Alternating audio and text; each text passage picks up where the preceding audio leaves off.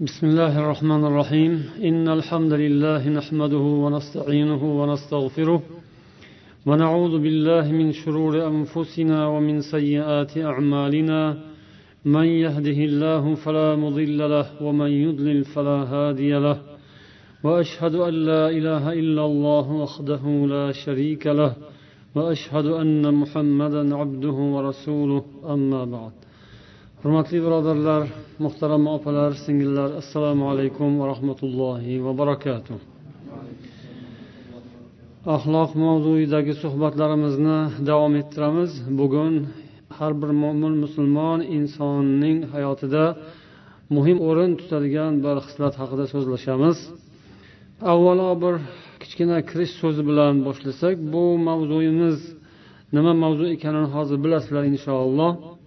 Alloh taolo siz bilan bizni bu olamga ushbu dunyoga vaqtinchalikka yuborgan ekan. Mana shu hayotimizni qanday o'tkazishimiz unda nimalarga e'tibor berib nimalardan ehtiyot bo'lishimizni ham o'zi o'rgatgan. Alloh taolo insonga ato qilgan ne'matlarni yaxshi tomoni bo'ladi va uning aksi zararli tomonlari ham bo'lishi mumkin. Inson masalan agar hozirgi kunimizdan misol qilib oladigan bo'lsak ilm fan taraqqiyoti bilan qancha qancha yaxshi narsalarni olloh insonlarga ato qilgan. Lekin shu narsalarning har birida foyda bo'lish bilan bir qatorda zarar ham bor. Ba'zi birida hatto halokat bor kulfat bor. Agar ehtiyot bo'lib muomala qilmasangiz masalan siz bilan bizga doim yorug'lik beradigan issiqlik keltirishga sabab bo'ladigan elektr quvvati toki deymiz. Bundan agar inson yaxshi oqilona foydalansa katta manfaatlarga erishadi. Ammo xuddi mana shu insonga katta manfaat olib keladigan insonning bugungi kundagi hayotni busiz tasavvur qilib bo'lmaydigan mana shunda halokat ham bor. Bu odamlarni vaqti vaqti bilan o'ldirib ham turadi.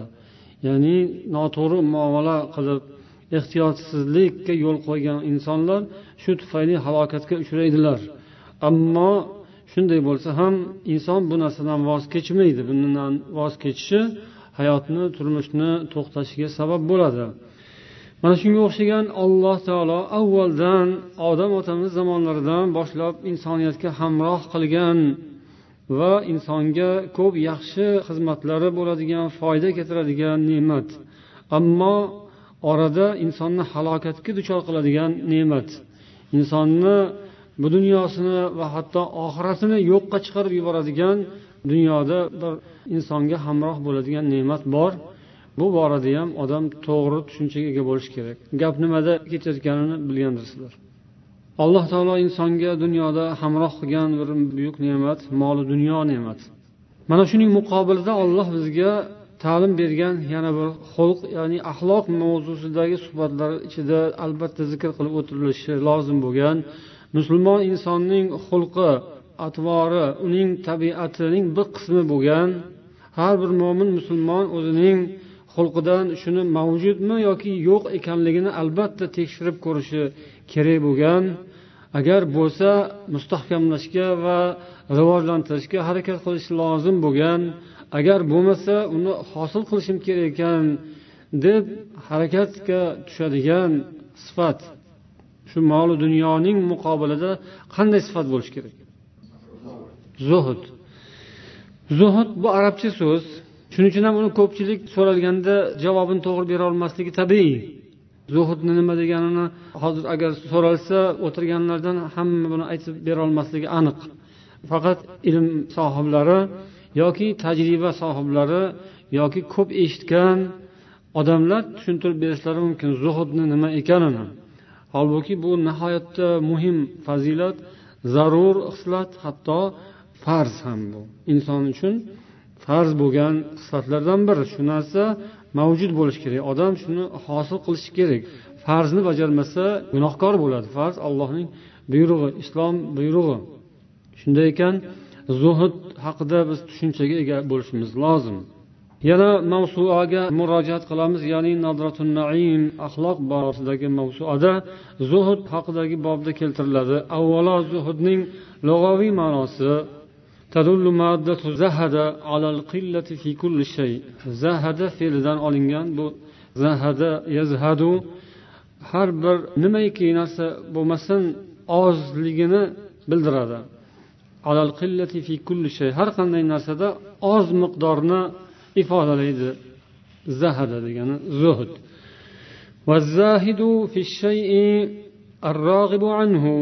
lug'aviy ma'nosida shu narsa kelyaptiki bir narsada zohid bo'ldi desa mana zohid degan ismni bilamiz hamma odam zohid desa nimani tushunadi? Odamni otini tushunadi.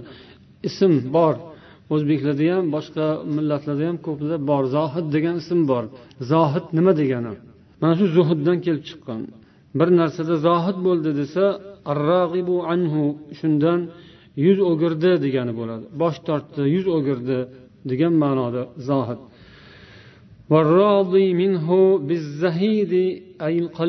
O'sha narsadan ozginasiga rozi bo'lgan odamni zohid deydi. Biror narsadan zohid bo'ldi desa o'shandan ozgina bo'lsa ham kifoya qiladi bo'ldi degani yoki undan voz kechgan bo'ladi. Muzhid degan kalima ham shundan olingan. Moli dunyosi kam bo'lgan odamni muzhid deyiladi.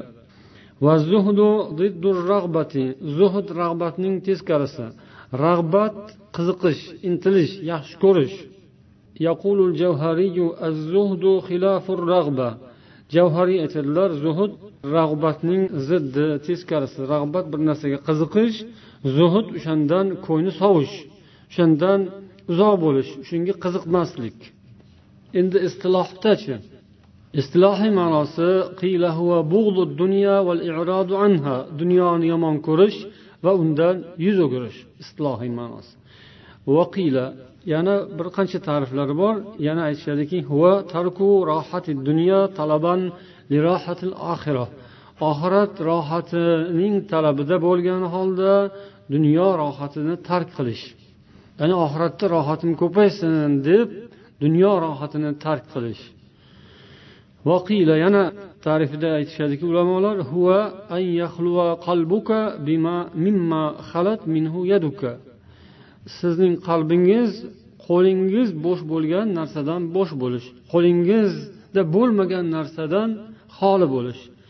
Ajoyib ta'riflarda bir biriga qo'shsangiz keyin natijasi komil chiqadi lekin har birida alohida bir jihati bor. Mana bu ta'rif ham ajoyib ekan qarang.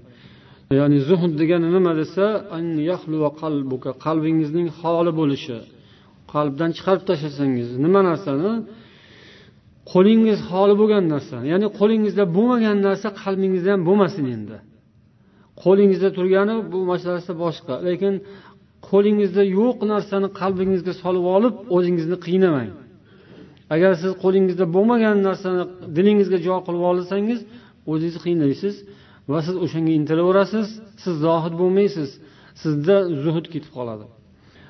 Shayxul islom ibn taymiya u kishi aytgan ekanlar mashru mashru zuhud. Demak mashru zuhud bor nomashru zuhud bor. Mashru shariatga muvofiq keladigan zuhud shariatga teskari keladigan zuhud ham bor. Tarki dunyochilik butunlay dunyodan voz kechish u. Bu yerda mashru zuhd shundan iboratki deydilar ibn taymiya shariatdagi zuhd shuki oxiratda foyda bermaydigan narsani tark qilish shunga qiziqishni tark qilish. Oxiratda foydasi yo'q ish.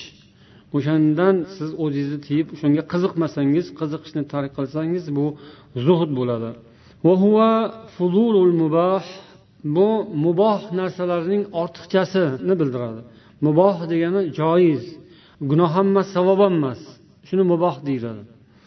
Muboh degani ruxsat degani gunoh ham emas savob ham emas. Mana shu muboh narsalardan yoki muboh ishlarning ortiqchasini tark qilish ortiqchasi foyda bermaydi oxiratda. O'zi gunoh emas savob emas lekin ortiqcha ortiqcha ish foyda bermaydi oxiratda. Shuni tark qilish mana shu zuhud bo'ladi. Buning yana sifati shuki ollohning toatida bundan foyda olinmaydi. Allohga toat ibodat qilishingizda bu sizga foyda bermaydi yordam bermaydi. Undan yordam olmaysiz. Shunaqa muboh kama annal vara al mashru' huwa tarku ma qad yadurru fi dar al akhirah varo nima? Varo taqvoning bu ham bir ko'rinishi. Oxiratda insonga zarar beradigan narsani tark qilish bu varo bo'ladi. Oxiratda foyda bermaydigan narsani tark qilish nima bo'lar ekan? Zuhud bo'lar ekan. Oxiratda foyda bermaydigan narsani tark qilish zuhud. Oxiratda zarar beradigan narsani tark qilish varo taqvo. Va bu varo deganimiz harom narsalarni shubha narsalarni tark qilish. Buni tark qilsangiz demak bundan ko'ra foydali narsani tark qilish degani emas balki uni bajarish kerak. Oxiratda foyda yetkazadigan narsalarni tark qilish bu dindan emas. Oxiratda foyda bo'ladigan narsalarni bu dunyoda kasb qilish kerak olish kerak. Agar u dunyodan bo'lsa ham يا أيها الذين آمنوا لا تحرموا طيبات ما أحل الله لكم ey iymon keltirgan insonlar olloh sizlarga halol qilgan narsalarning pokizalarini o'zingiz harom qilib olmang o'zingizga o'zingiz harom qilib o'zingizni undan mahrum qilib olmang haddingizdan oshmang olloh haddidan oshuvchilarni yaxshi ko'rmaydi yana shunga o'xshab muboh narsalarning ortiqchasi bilan mashg'ul bo'lish bu shariatdagi zuhudga xilof bo'ladi agar inson mana shunday muboh ishlar bilan mashg'ul bo'lib vojib ishlardan chalg'ib ketadigan bo'lsa muharram ishni qilgan bo'ladi gunohkor bo'ladi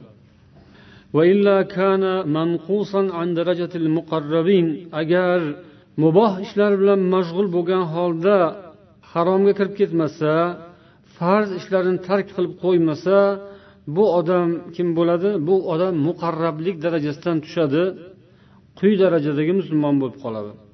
Demak muboh ishlar harom emas lekin shu bilan odam ko'p mashg'ul bo'lsa u muqarrab banda bo'lmaydi. Ya'ni allohga yaqin bandalardan hisoblanmaydi ollohdan uzoqlashib musulmonlik mo'minlikni quyi darajasida bo'ladi. قال ابن الجوزي الزهد عبارة عن انصراف الرغبة عن الشيء إلى ما هو خير منه الجوزي aytadilar zuhud bu bir narsadan yuz o'girish undan ko'ra yaxshirog'ini izlab وشرط المرغوب عنه أن يكون مرغوبا بوجه من الوجوه o'sha bosh tortiladigan yoki yuz o'giriladigan narsa aslida qiziqiladigan narsa bo'lishi kerak qiziqiladigan narsaga inson qarab keyin yuzini o'girsa keyin uni zuhud deyish mumkin. Ammo o'zi qiziqilmaydigan past narsa tashlab qo'yilgan narsa bo'lsayu undan go'yoki yuzlarini o'girib o'zini katta e, o'zini go'yo saxiy tutib yo o'zini taqvodor tutsa bu hisob bo'lmaydi. U narsa zuhudga kirmaydi. Bu odam zohid hisoblanmaydi. Xuddi buning misoli deydilar turpoqni tark etib turpoqdan zohid bo'lganni zohid deyilmaydi. Chunki u turpoq o'zi ma'lum hech kim olmaydigan ya'ni yerda yotadigan narsa.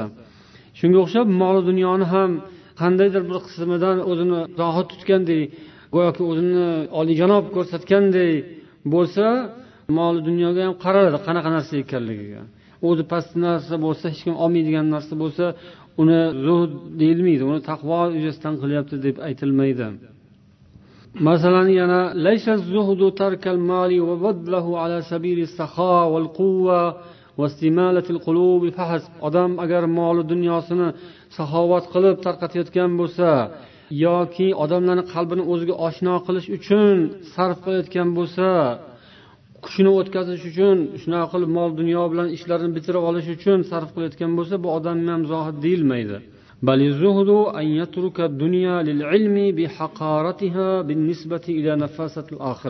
Mol dunyoni shunaqa sarf qilish shunday voz kechish yoki shunday bag'ishlash zuhd bo'ladiki unda inson moli dunyoni oxiratga nisbatan past narsa ekanligini bilgani uchun shunday qilayotgan bo'lsa buni zohid deyiladi bunga savob beriladi buyurilgan zuhud shu ya'ni dunyoparast bo'lmaslik molparast bo'lmaslik bu zuhud shunga inson buyurilgan bu farz endi ikkita inson u ham mol dunyosini sochyapti bu ham mol dunyosini sochyapti.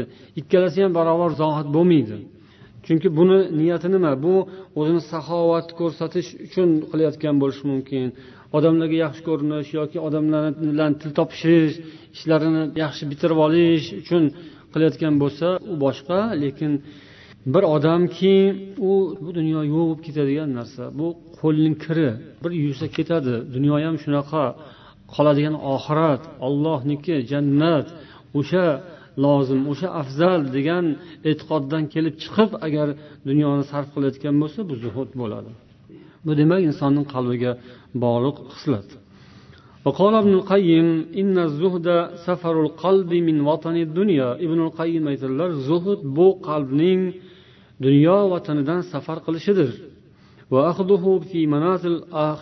oxirat manzillarini qo'lga kiritishdir وعلى هذا صنف المتقدمون كتب الزهد mana shuning uchun mutaqaddim ulamolar mana shu borada kitoblar yozishgan كالزهد لعبد الله بن المبارك عبد الله بن المبارك زهد degan kitob yozganlar yana imom ahmadning ham zuhud ismli kitoblari bor yana vakining ham hannad ibn sariy va boshqa ko'pgina ulamolar zuhud degan nom bilan kitoblar bitishgan va mutaallaquhu sittatu ashya bu zuhudning bog'liq bo'ladigan olti narsa bor لا يستحق العبد اسم الزهد حتى يزهد فيها mana shu oltita narsada inson zohidlik zohir qilmaguncha u zohid bo'lmaydi dunyoda olti xil narsa bor mal والصور والرياسة والناس والنفس وكل ما دون الله shu zuhud ko'rinishi lozim bo'lgan narsalarni biri mol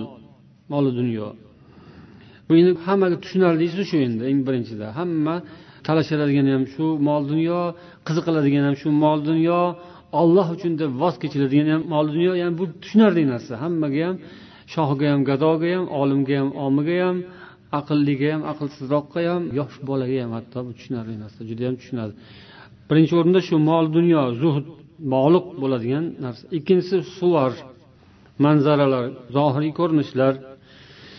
Uchinchisi riyasa rahbarlik odamlarga gapini o'tkazish odamlarni o'ziga ergashtirish hukmronlik yuritish bunda bo'lishi mumkin zuhud va nas to'rtinchisi odamlar odamlarga nisbatan ham. Va nafs. Insonning o'zining joni yoki sog'liq salomatlik va ollohdan boshqa hamma narsa. Mana shu yuqorida bu ko'zga ko'rinib turadigan zohir bo'lib bo'rtib turadigan narsalar zikr qilindi lekin ollohdan boshqa nimaiki hamma narsa zuhudga taalluqli bo'ladi. Ya'ni har qanday narsa ustida bo'lib qoladi odam shunday holatga keladi.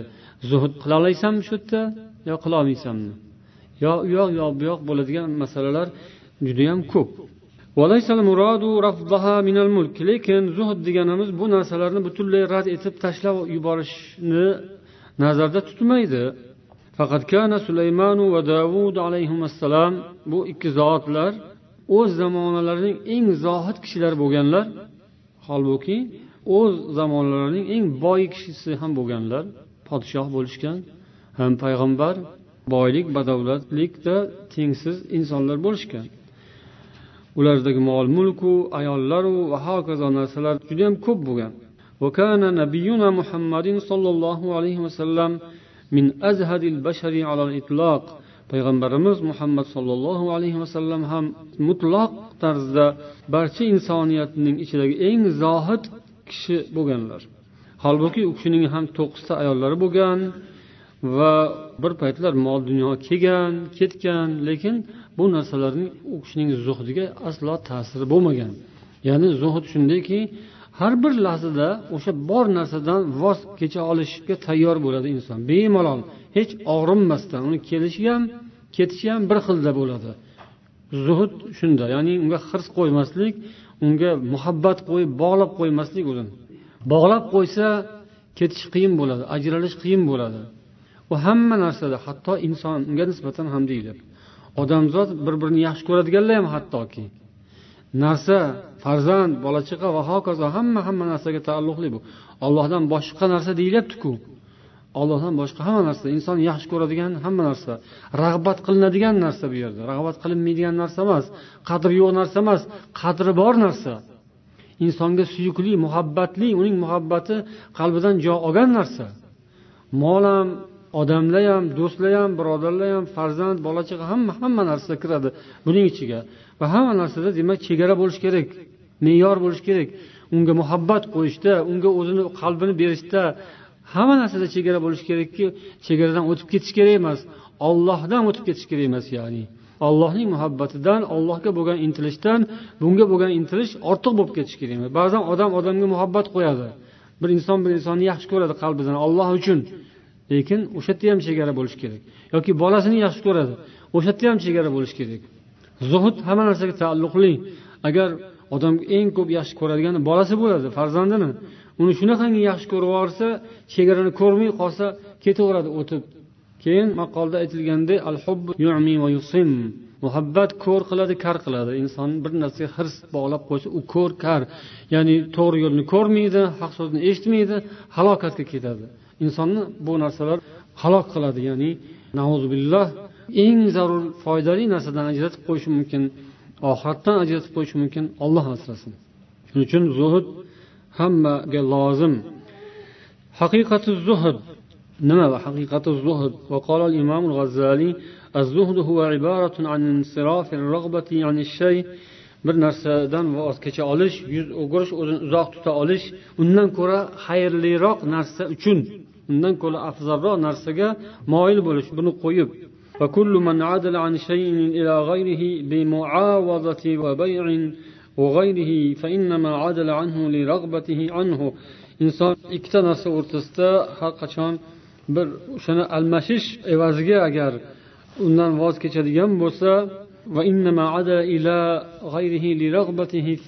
bundan ko'ra unisini afzal ko'rgani uchun bo'ladi mana shu demak zuhud bo'ladi وشرط المرغوب عنه أن يكون هو أيضا مرغوبا فيه yuz o'girilayotgan narsa u ham qiziqiladigan narsa bo'lishi kerak yuqorida aytilganidek va qiziqilayotgan narsa bundan ko'ra afzal ustun bo'lishi kerak Buni darajalari haqida qismlari haqida ibn qayim aytadilarki zuhdun fil harom harom narsadan zuhud qilish bu bir. Ikkinchisi zuhdun fil shubhat. Shubhali narsalardan zuhud qilish. Uchinchisi zuhdun fil fuzul. Ortiqcha muboh narsalardan zuhud qilish. Bularning hukmi qanday? Quyidagicha. Harom narsalardan zuhud qilish bu farzi ayn. Har bir odamga farz. Harom narsadan u judayam qiziqarli juda ham shirin judayam ajoyib bo'lishi mumkin. Harom o'zi. Ba'zi bir tomoshalar yoki mana yosh bolalarga ham bu narsa taalluqli bo'lishi mumkin. Bolalar ham ba'zan qiziq qiziq o'yinlarga berilib ketadiyu tomoshalar boshqalar. Qarash kerak. O'sha yerda zuhud shu yerda farz bo'ladi. Agar o'sha harom bo'lsa zararli bo'lsa o'yin bo'lsin tomosha bo'lsin. Kattalarga ham shu. Kattalar ham nimadir suratlar ham deyildi yuqorida.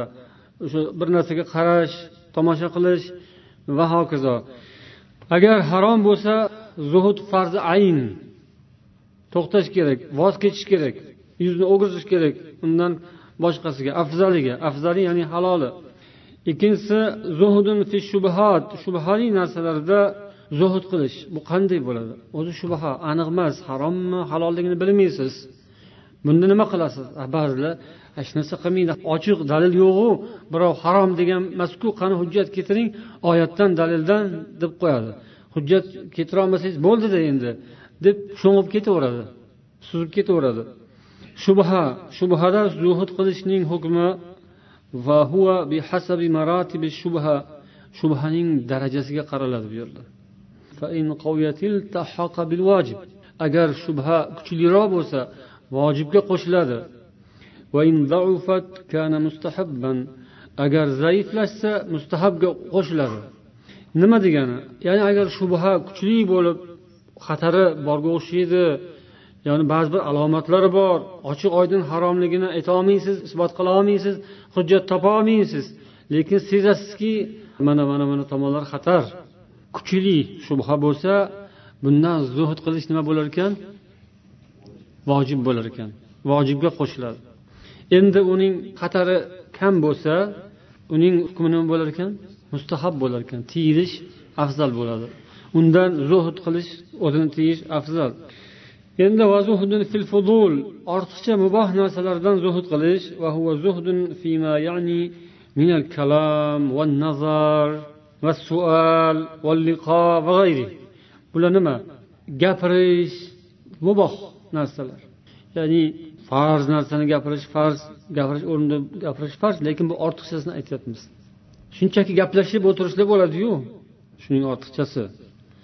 Yoki nazar qarash alang jalang hamma narsaga qarashni yaxshi ko'radi ba'zi odam. Har joyini titib kavlashtirib faqat maqsadi tomosha bilan yurish. Hamma yoqqa qarab bu ham qarash umuman muboh muboh ortiqchasi muboh. Yoki savol savol beraveradi beraveradi ba'zi odam. Yoki liqo uchrashuv. Doim u bilan ko'rishgan bu bilan gaplashgan unga bunga borgan tinmay doim odamlar bilan bo'lgisi kelish bu ham muboh endi. Odamlar bilan gaplashish harom emas muboh. Savol berish harom emas muboh. Qarash ya'ni muboh narsa bo'lsa harom narsa bo'lmasa qarash muboh. Gapirish olloh til bergan gapiradi. Gapirish muboh ya'ni harom emas lekin ortiqchasichi.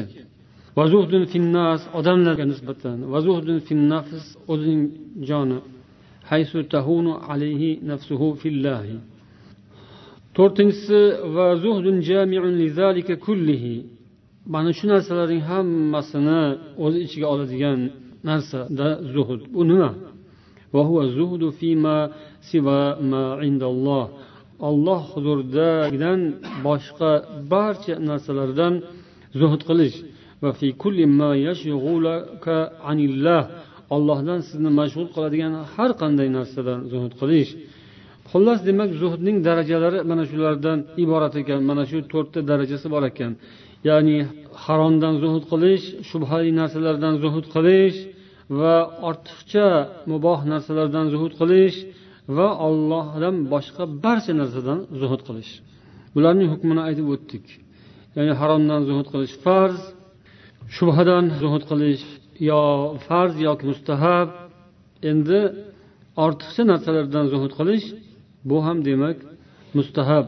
Agar bu ham zarariga o'tib ketayotgan bo'lsa bu ham o'sha vojib zuhudga ilova bo'ladi. Bu ham yo u yoqqa yo bu yoqqa qarab hal bo'ladi. Agar zararli tomonga qarab ketayotgan bo'lsa to'xtash farz bo'ladi. Va afzalu zuhdi zuhd. Zuhdning afzali deydilar ihyoul ulumiddin sohiblari uni yashirishdir. Zuhudning qiyini esa inson nafsiga bog'liq bo'lgan narsalardadir. Demak zuhud qilayotgan odam o'zini zohidligini namoyish qilib oshkor qilib yurish yaxshi emas. U zuhud qabla bo'ladi u insonni xulqida aks etadi uni odamlar biladi o'zi ko'radi. Avvalo insonni o'zining qalbida bo'lishi kerak va zuhudni namoyish qilmasdan zuhudni yashirib amal qilib ketaverish kerak. Zuhudga yordam beradigan narsalar haqida yozishadi mualliflar. Insonni zuhdini modomiki zuhud farz ekan ba'zan mustahab ekan. Buni qanday mustahkamlanadi qanday amalga oshirib bo'ladi? Bu uchta narsada bo'ladi. Uchta narsa bilan zuhudni mustahkamlash mumkin. Inson bilishi kerakki bu dunyo soyaga o'xshaydi. Soya to'xtab turmaydiyu. Kun yurgan sayin soya yuradi. Ketuvchi soya. Soyada sabot yo'q doim qolmaydi hech narsaning soyasi. Bu aylanib yuradigan xayol. Dunyoni misoli shu. Xayol keladi ketadi. Bu o'simlikka ham o'xshaydi. Alloh qur'onni ham shunday ta'riflagan. Yomg'ir yog'sa yerdan o'simlik ko'karib chiqadi. Bir chiroyli bo'lib odamni bahri dilni ochib o'ziga tortadi. Yam yashil gullab beradi. Keyin vaqt o'tgandan keyin bir necha kunda ba'zisi tugaydi bir necha oyda ba'zisi tugaydi keyin qovjirab so'lib sarg'ayadi. Keyin to'kilib tushadi. Yo'q bo'ladi. O'simlikka o'xshaydi dunyoning hammasi. Shuni inson o'ylasin. Shunda unda zuhud bo'ladi. Keladi zuhud. Olloh yana buni mataul g'urur degan aldanish matosi degan dunyoni hammasi qo'shilib aldanish matosiga aylanadi dunyo. Va bunga aldanishdan olloh qaytargan. Va aldangan odamlarning oqibati xunuk bo'lishidan ham ogohlantirgan xabar bergan. Buni eslash kerak buni inson o'ylasa unda zuhud paydo bo'ladi inshaalloh. Ikkinchisi علمه أن وراءها دارا أعظم منها قدرا bu hovlining orqasida yana bitta hovli bor o'sha hovli ancha yuksak va buyuk u abadiy hovli oxirat bu dunyo ham bir hovli bir vatan deylik mayli odamlar hovlini ham vatan deydi mana shu yerga vatan qurdik vatan tutdik deb qo'yishadi vatanni keng ma'noda olsangiz ham bo'ladi tor ma'noda olsangiz ham bo'ladi bu dunyo shunaqa bir vaqtincha vatan lekin buning keynida abadiy vatan bor u yerda inson doimiy yashaydi va u afzal u buyuk shu narsani inson tasavvur qila boshlashi kerak shunda zuhud paydo bo'ladi buning misolini ko'p keltirish mumkin uchinchisi معرفته وإيمانه الحق بأن زهده فيها لا يمنعه شيئا كتب له منها bir narsani inson yaxshi bilishi kerak va iymon keltirishi kerakki inson biror narsada zuhd qilsa ya'ni o'shanga berilmasdan o'shandan o'zini tiysa o'zini jilovlasa o'shandan olloh yozib qo'ygan narsadan monelik bo'lmaydi man qilmaydi bu ishi. Tushunmadinglar? Bir narsadan inson zuhud qilishi mana shu narsadan deylik zuhud qilishi ya'ni shundan o'zini tiyishi yoki boshqa bir narsadan o'zini tiyishi shu narsadan olloh uning taqdiriga yozgan nasibasini yo'qqa chiqarmaydi. Shuni bilsin. O'zingiz nimadan tiyayotgan bo'lsangiz bilingki o'sha narsadan sizga yozilgan nasiba yo'q bo'lmaydi. Yozib qo'yilgan bo'lsa siz tiysangiz ham yo'qolmaydi. Ketingizdan keladi. U ergashib sizni qidirib keladi. Agar siz qochsangiz quvib keladi. Bekinsangiz topib boradi. Chunki yozilgan zuhd qilsangiz obro'yingizni saqlagan bo'lasiz o'zingizni chiroyli tutgan bo'lasiz ichingizda ba'zan xohlab turarsiz boshqa qilasiz lekin zuhd qilib olloh buyurgan ekan deb o'zingizni tiysangiz u keladi sizga o'zi qidirib keladi qo'rqmang shuni bilsangiz yaxshi shunga agar ma'rifatuhu va iymonuhul haq shuni yaxshi bilib iymon keltirgan bo'lsa وأن حرصه عليها لا يجلب له ما لم يقض له منها Yana shuning davomiki insonning bir narsaga his qo'yishi berilishi qidirishi shunga intilishi unga olloh taolo qazo qilmagan olloh uni taqdir qilmagan narsani olib kelmaydi. Olib kelmaydi. Ming yugursangiz ming talashsangiz ming tortishsangiz ming tirishsangiz kelmaydi kelmaydigani. Ya'ni yozilmagani kelmaydi. Yozilgan bo'lsa keladi. Yozilmagan bo'lsa u kelmaydi. Demak inson bir narsaga hirs bog'lashi olloh qazoyi qadarda yozmagan narsani hosil qilmaydi. Shuni bilsa insonda zuhud paydo bo'ladi. Subhanalloh. Ajoyib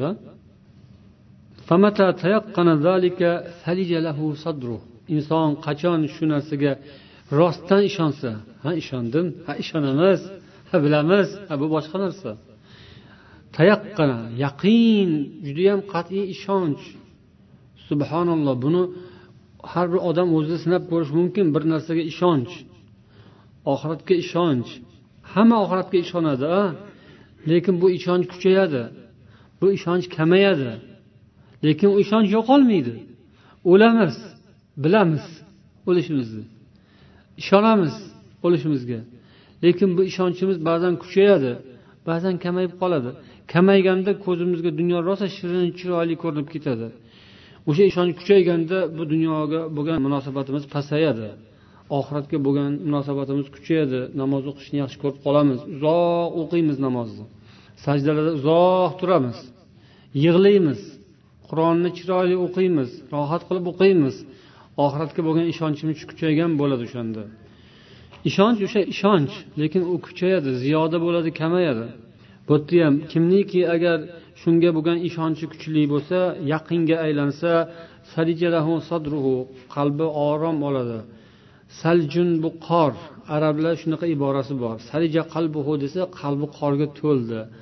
Qalbi ya'ni taskin topdi muzdek bo'ldi. Arablarda issiq qattiq bo'lgani uchun bu iborani ular boshqacha tushunadi. Siz bilan biz sovuqni ichida yashaganimiz uchun bizga uncha ham tushunarli bo'lmasligi mumkin. Lekin o'zbekistonda turgan paytimizda ham ancha tushunarli edi. O'zbekistonda mana hozir ellik darajaga chiqib ketdi issiqlar. Subhanalloh. Issiq joyda turgan odam bu iboralarni yaxshi tushunadi. Qalbida muz. Endi bu haligi boshqacha salbiy ma'nosi ham bor. Bu yerda qalbida rohat qalbi taskin topib qalbi sovib dilida orom paydo bo'ladi. Qalbiga xuddi qor yoqqanday uni buni o'zbeklar boshqachaga aylantirib yuboradi dili muzlab qoldi qalbi sovib ketdi ko'ngli sovib ketdi qilib yuboramiz endi bu ham bor narsa to'g'ri lekin o'rnida ishlatiladigan iboralar bular bu yerda qalbi taskin topadi insonni agar shunaqa e'tiqodi chin bo'lsa va alima anna minha sayatihi va inson biladiki olloh kafolatlab qo'ygan narsa albatta keladi فهذه الأمور الثلاثة تسهل على العبد الزهد في الدنيا Insonda mana shu uchta narsa bo'lsa dunyoda zuhud qilishi unga yengil bo'ladi oson bo'ladi va insonning o'zini haq yo'ldagi qadamini iymon yo'lida insonni mustahkamlab qo'yadi. Alloh taolo insonlarni qur'oni karimda ko'p oyatlarda mana shunday dunyoga berilmaslik va dunyo matosida aldanib qolmaslikka buyurgan. Qorunning hikoyasida o'sha paytdagi musulmonlar qorun o'rtasidagi bo'lgan holatlarda buning misollarini keltirgan ya'ni o'sha paytda ham odamlar musulmonlar qorunning yurish turishiga havas qilib uning ziynatlariga havas qilib qolganlarini olloh keltirgan. Bir kuni qorun o'zining zebu ziynatlariga burkangan holatda qavmni orasida chiqib keldi. قال الذين يريدون الحياة الدنيا يا ليت لنا مثل ما أوتي قارون إنه لذو حظ عظيم dunyo hayotini yaxshi ko'radiganlar uni ko'rib aytishdiki ya laytalana voy bu qaniydi bu qorun berilgan narsadan bizga ham bo'lsa edi bu inson nihoyatda baxtli odamdek nihoyatda omadi chopgan odamdek deb qolishdi kimlar bular kofirlar emas munofiqlar emas musulmonlar. Musulmonlarni ichida har xil daraja bor. Ilm berilgan zotlar ey holingizga voy bo'lsin deyishdi. Ana ularni so'zini eshitib liman amana va amila iymon keltirgan va solih amal qilgan odamlar uchun olloh beradigan savob yaxshiroq bundan. Sizlar havas qilayotgan voy bo'y deyayotgan narsalaringizdan ko'ra agar sizlar iymon keltirgan bo'lsangiz solih amal qilayotgan bo'lsangiz olloh sizga beradigani afzal bunga berganidan deyishdi. Ammo bu savobga faqat sabrli odamlargina erishadilar. Ya'ni o'sha hirs qo'ymaslik uchun sabr kerak. Odam o'zini saqlash tiyish kerak. Keyin unga erishadi. Undan yaxshirog'iga erishadi. Yaxshirog'iga erishish uchun bundan sabr qila olish kerak. Bas kutilmaganda biz uni ya'ni odamlar kutmagan holatda uni va hovli joylarini hammasini yerga yutqazib yubordik. Unga yordam beradigan biror bir jamoa guruh chiqqan yo'q. Min dunillah ollohdan boshqa. Uning o'zi ham bu holatda g'olib bo'lib qutulib ketadiganlardan bo'lgani yo'q. Na o'zi qutulib qoldi na o'zining kuchi yetdi na bir yordam keldi unga atrofdan. Na bir yordamchi kelib uni qutqarib oldi. Na o'zining topgan tutganlari yig'ganlari egalik qilganlari foyda berdi. وأصبح الذين تمنوا مكانه بالأمس يقولون ويكأن الله يبسط الرزق لمن يشاء من عباده ويقدر kecha qorun kabi bo'lishni havas qilganlar ertalab turib voy deb qolishdi eyvoh olloh o'zi bandalardan xohlagan bandasiga rizqini keng qilib uning yaxshi yomonligiga e'tibor qaratmasdan yaxshimi yomonmi kofirmi musulmonmi munofiqmi fojirmi iflosmi boshqami unga ahamiyat bermasdan ya'ni bandasidan xohlaganiga olloh rizqini keng mo'l qilib qo'yarkan u xohlaganiga olloh rizqini tang qilib qo'yarkan a endi tushundik deyishdi.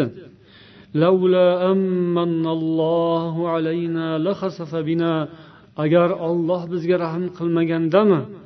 Olloh bizni ham unga qo'shib yerga yutqazib yuborgan bo'larkana xudo asrabdi bizni. Kecha biz unga havas qilib qaniydi qaniydi deb unga qo'shilib ketishga o'shanga ergashib ketishga o'shani pinjiga kirib ketishga ozgina qoluvdi. Olloh asradi ya. Ozgina qoldi o'shanga qo'shilib yerga yutilib ketishimizga ya.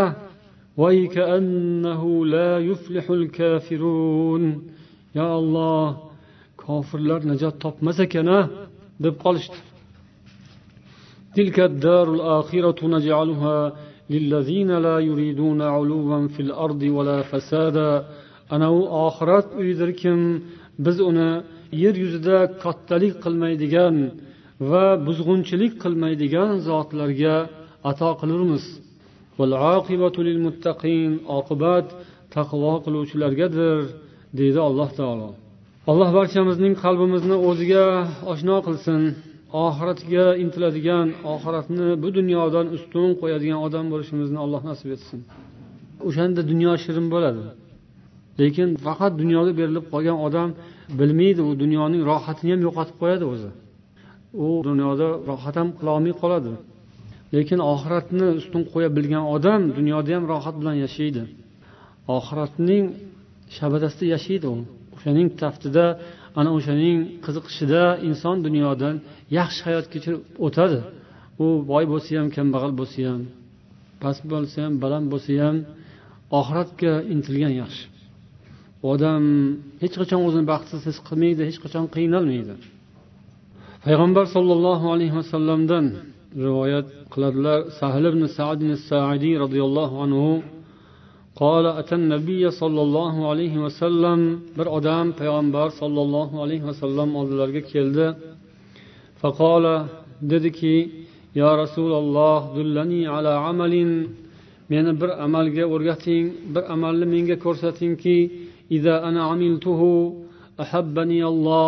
o'sha ishni man agar qilsam olloh meni yaxshi ko'rib qolsin olloh meni yaxshi ko'radigan bir amalni menga o'rgating Va odamlar ham meni yaxshi ko'rsin. Shunday bir ishki shuni qilsam olloh ham yaxshi ko'rsin odamlar ham yaxshi ko'rsin shunaqa ishni manga o'rgating dedi. Qarang ajoyib savol. Bu savolni javobini eshitmasdan turib bu savolni o'zini ozgina o'ylab ko'rsak bo'ladiganda savolni birpasda aytib qo'yish mumkin. Birpasda o'tib ketaveramiz eshitib. Lekin shu savolning o'zida ham bir o'ylab ko'rishimiz kerak. Meni olloh ham yaxshi ko'rsin odamni ham yaxshi ko'rsin. Inson ollohga yaxshi ko'rinish ollohning muhabbatini qozonishga harakat qiladi mo'min odam musulmon odam chunki o'shani oldiga boradida. Bu yoqda har qancha aylanib yursa ham unga uchrab bunga uchrab bu yoqqa borib bu yoqqa borib yursa ham oxirida olloh huzuriga boradi. Olloh yaxshi ko'rsin ish qilib. Olloh yaxshi ko'rib olloh suygan banda bo'lib borganimiz yaxshi. O'sha foyda bo'ladi dunyoga kelib ketganimizdan. Qaytib kelmaymiz bir marta kelamiz bu dunyoga. Bir martalik ketish aniq bo'lib qolgan mahalda inson qadrini bilib qoladi dunyoni. Umrni vaqtni hayotni. Shunda o'ylab ey voh bir martalikdiya bu.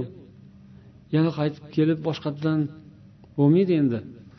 Subhanalloh shu bir martalikni bergan ollohni oldiga ketyapman hozir. Olloh yaxshi ko'radimi yomon ko'radimi? Olloh yaxshi ko'rgan inson bo'layin manga bir amal o'rgating deb bu kishi so'radilar. Odamlar ham yaxshi ko'rsin. Olloh yaratgan odamlar bu odamlar. Mo'minlar ya'ni musulmonlar. Olloh yaxshi ko'rgan insonlar yaxshi ko'radigan bo'layin. Shu ma'noda demak so'radilar. Keyin payg'ambarimiz sollallohu alayhi vasallam aytdilarki izhad fi dunya yuhibbakalloh. Dunyoda zohid bo'l. Olloh seni yaxshi ko'radi. Subhanalloh. Dunyoga zohid bo'lgin olloh yaxshi ko'radi. Dunyoga ko'p berilib ketmagin olloh yaxshi ko'radi. Chunki buni yaratgan olloh yaratuvchisi qolib yaratgan narsasiga qiziqib ketaversang ollohni esdan chiqarib qo'ysang yaxshi emas. Dunyoniga qarab dunyo ko'zingga qiziq ko'ringan joyda o'ylagin bu qanday go'zal e buni yaratuvchisi qanday ekan? Bu yaratuvchisining yana nima narsalar bor ekan? Buni shunday qilib yaratib qo'yibdi qiziq ajoyib shirin lazzatli qilib hali bundan ham ko'ra ajoyibroq lazzatliroq narsalari ham bo'lsa kerak deb o'ylaydi odam. Dunyoda zohid bo'lsa dunyoga zohid bo'lmasa haris bo'ladi va u boshqa narsani o'ylamaydi. Boshqasi kerak emas. Yo'q yo'q yo'q. Shoshmay tur. Mana shu naqdi. Mana shu bori. Voy bundan ham shirini yo'q bundan shirini bo'lmasa kerak deb qoladi bu aqli kamlikdan endi insonni. Mana shu ko'ziga ko'ringani bilan kifoyalanib qolish. Yo'q. Payg'ambar sollallohu alayhi vasallam izhad fi dunya yuhibbakalloh. Sen olloh yaxshi ko'radigan bo'lishni so'radingmi? Olloh yaxshi ko'rish uchun san dunyoda zohid bo'l. Olloh seni yaxshi ko'radi shunda. Vazhad fima fi aydin nas yuhibbuk. Odamlarning qo'lidagi narsaga zohid bo'l. Ya'ni odamlarning qo'lidagi narsadan zohid bo'l. Odamlar seni yaxshi ko'rishadi. Mana qanday qilib allohga yaxshi ko'rinish mumkin? Qanday qilib odamlarga yaxshi ko'rinish mumkin? Yo'li shu ekan dunyoda zohid bo'lish kerak. Ya'ni dunyoga qalbdan berilib qolmaslik. Allohdan insonlarning uzoqliklari insonlarning boshidagi musibatlar kulfatlar dunyodagi muammolar musibatlar. Aytamizki allohdan uzoqligimiz allohning aytganini chiroyli qilolmayotganimiz tufayli muammolar musibatlarga duch kelamiz deymiz. Buning ustiga eng olloh azizning yomoni ollohdan uzoqlashib ollohning nazdida ollohga nisbatan yaxshi ko'rinmasdan allohga mahbub bo'lmasdan olloh yomon ko'radigan insonga aylanib qolishdan xudo asrasin. Bu baxtsizlik ustiga baxtsizlik falokat ustiga falokat musibat ustiga musibat o'zi dunyodagi musibatlar yetarli bo'lsada uni ustiga olloh ham yaxshi ko'rmay qolsa u insonlarni. Qayerga boradi endi unday inson? Xudo asrasin. Olloh o'ziga tortsin hammamizni qalbimizni. O'ziga bog'lasin. Payg'ambar sollallohu alayhi vasallam alloh taolodan bo'lgan hadisi qudusiyda rivoyat qiladilar. Olloh aytadiki yaqulu yabna adam. Payg'ambar sollallohu alayhi vasallamdan abdulloh ibn shahir rivoyat qiladilar. Man payg'ambarimiz sollallohu alayhi vasallam oldilariga keldim. Qarasam u kishi takasur. surasini o'qiyotgan ekanlar. Ya'ni takasur sizlarni chalg'itib qo'ydi. Takasur degani narsalarni ko'paytirish degani. Qaysi narsa bo'lsa ham shuni ko'proq bo'lsin yana ko'proq bo'lsin deb ko'paytirish. U pul bo'lishi mumkin mol dunyo bo'lishi mumkin va hokazo payg'ambar aytdilarki odam ibn odam bolasi aytadiki mali mali molim molim deydi. Qola vahallaka yabna adam min malika? olloh aytadiki ey odam bolasi molim molim deysanu molingdan bo'ladigani qaysi biri bilasanmi deganday molim deganing bu sani moling emas. Illo yeb yutib yuborganing seniki. Yeb yutishga ulgurgan bo'lsang seniki kiyib eskitishga ulgurgan bo'lsang seniki shu sening moling bo'ldi yoki sadaqa qilib oldinroq jo'natib yuborgan bo'lsang o'sha seniki undan boshqasini molim deyishga insonda aslida o'rin yo'q bilmaydiku عن ابن عمر رضي الله عنهما قال أخذ رسول الله صلى الله عليه وسلم payg'ambar alayhissalom deydilar abdulloh ibn umar bir kun meni ikki yelkamdan ushlab dedilar فقال كن في الدنيا كأنك غريب أو عابر سبيل dunyoda g'aribdek bo'lgin yoki bir yo'lni kesib o'tayotgan odam kabi bo'lgin payg'ambarimizni nasihatlari g'arib degani musofir yurtidan begona hech kimi yo'q degani siz bilan biz ham yurtimizdan begonamiz lekin alhamdulillah birodarlarimiz do'stlarimiz bilan birgamiz hech kimsasi yo'q bir o'zini tilida gaplashadigan odam yo'q. Bir dili diliga to'g'ri keladigan odam yo'q. Butunlay begonalarni ishiga tushib qolgan g'arib qanday bo'ladi? Mo'min odam bu dunyoda g'aribdek bo'lishi kerak ekan. Ana o'shanday g'aribdek. Yoki obiru sabil yo'lni kesib o'tayotgan odamdek. Yo'lni to'rt tomoni bor. Endi o'sha yo'ldan kesib o'tasiz. Kesib o'tayotganingizda o'ngga qaraysiz so'lga qaraysiz va to'g'riga qaraysiz. Tez o'tib olasiz. Hayot ham shunday ekan. Hayot mana bu yo'l. O'ngga qarasangiz ko'rinmaydi yo'lni boshi qayerdaligi so'lga qarasangiz qayoqqa ketib ulanganini ko'rib bo'lmaydi. Lekin anavi tomonni ko'rsa bo'ladi ro'barani ko'rsa bo'ladi bu yoq bilan u yoqni ko'rsa bo'ladi. Biz shuni ko'rishimiz kerak. Ya'ni bu yog'i onamizning qorni anavi u yog'i qabrning og'zi. Ikkalasini ham ko'rsa bo'ladi.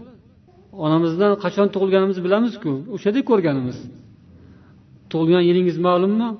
Bilamiz. Yo'lni bu cheti ko'rinib turibdi. Anavi cheti ham ko'rinib turibdi. Ya'ni u yog'i qabriston. Qabristonlardan tezda o'tib turamiz. Qabrlarni ko'p ko'p ko'rib turamiz. Ko'rinib turibdi u yog'i yo'lni cheti siz dunyoda shunaqa bo'lishingiz kerak ekan. Biz shunaqa bo'lishimiz kerak ekan.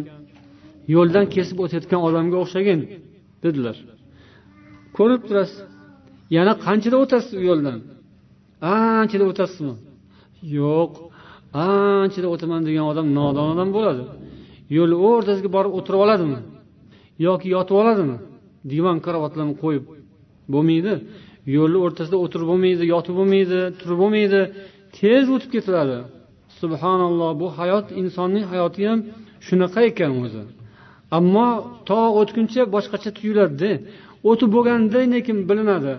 O'tib bo'lganda xuddi kecha tug'ildimi bugun o'ldimmi deb qoladi shekillida inson. Chunki qiyomatga borganda olloh qancha turdinglar hayotda desa bir kunmi yoki bir yarim kunmi ikki kunmi deb qoladi ekanda inson. Endi hayotda inson agar shuni to'g'ri anglasa dunyoda sen dedilar payg'ambar sollallohu alayhi vasallam yo'ldan kesib o'tayotgan odam kabi bo'lgin dedilar. Shundan kelib chiqib abdulloh ibn umar doim nasihat qilardilarki agar sen bir kech kirishga borsang kunni kech qilgan bo'lsang ya'ni ertalabni kutmagin endi. Agar tong ottira olgan bo'lsang endi kechqurunni kutmagin.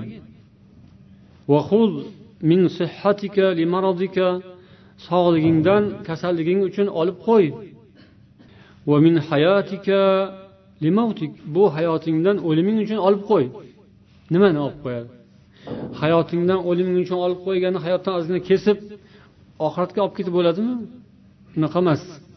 Hayotingda o'lgandan keyin kerak bo'ladigan ishlarni qilib qol. Sog'liq paytingda kasal bo'lib qolishing ehtimoli bor hali. O'shanda qilolmay qolasan shu ishlarni qilib qol. Subhanalloh ba'zi insonlarni hayotiga nazar solsangiz ko'rinadi. Ba'zi odamlar bo'ladi bu yaxshi misol bu. Salomatlik paytida chiroyli yaxshi ko'p ibodat qiladigan odamlar bo'ladi. Keksaygan paytda o'sha ibodatlarni qilolmay qolishadi. Sog'lik paytida rosa ro'za tutib yurgan odamlar bo'ladi. Ko'p ko'p namoz o'qiydigan odamlar bo'ladi. Ko'p ko'p tilovat qiladigan odamlar bo'ladi. Lekin keksaygan paytda qilolmay qoladi shuni. Qilgisi keladi. Quvvati yetmaydi. Ro'za tutolmaydi toqati yetmay qoladi. Namoz o'qigisi keladi. Uxlab qoladi o'tirgan joyida yoki qur'on o'qiy deydi o'qiolmaydi ko'zi nuri o'tmaydi yoki charchab qoladi holdan toyib qoladi. Endi bu hamma insonni boshiga keladigan holat. Shuning uchun sog'lik paytingizdan yoki yoshlik paytingizdan oxiratingiz uchun olib qoling yoki qarilik paytingiz uchun olib qoling deyilganida bu. Hozir rosayam ibodat qiladigan vaqtimiz. Mana shu yerda o'tirganlar hammasi.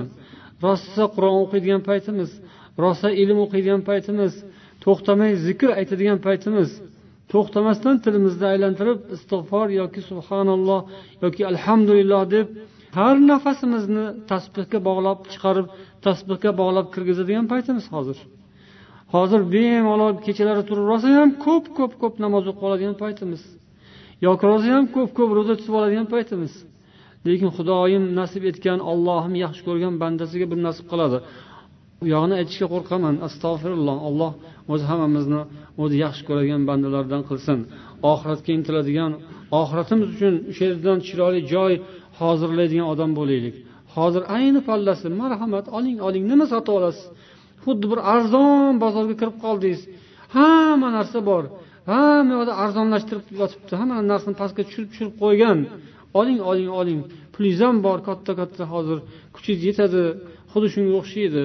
olgan olib qoladi aqlli odam olmagan lallayib angrayib tomoshadan boshqa narsaga yaramay qoladi billah alloh hammamizga o'zi aql komil nasib etsin va qalbimizni o'zi oxirat uchun chiroyli musaffo qilib qo'ysin dunyodan keragini zarurini olib olganimizga yarasha foydani ko'radigan odam bo'laylik سبحانك اللهم وبحمدك أشهد أن لا إله إلا أنت أستغفرك وأتوب إليك السلام عليكم ورحمة الله وبركاته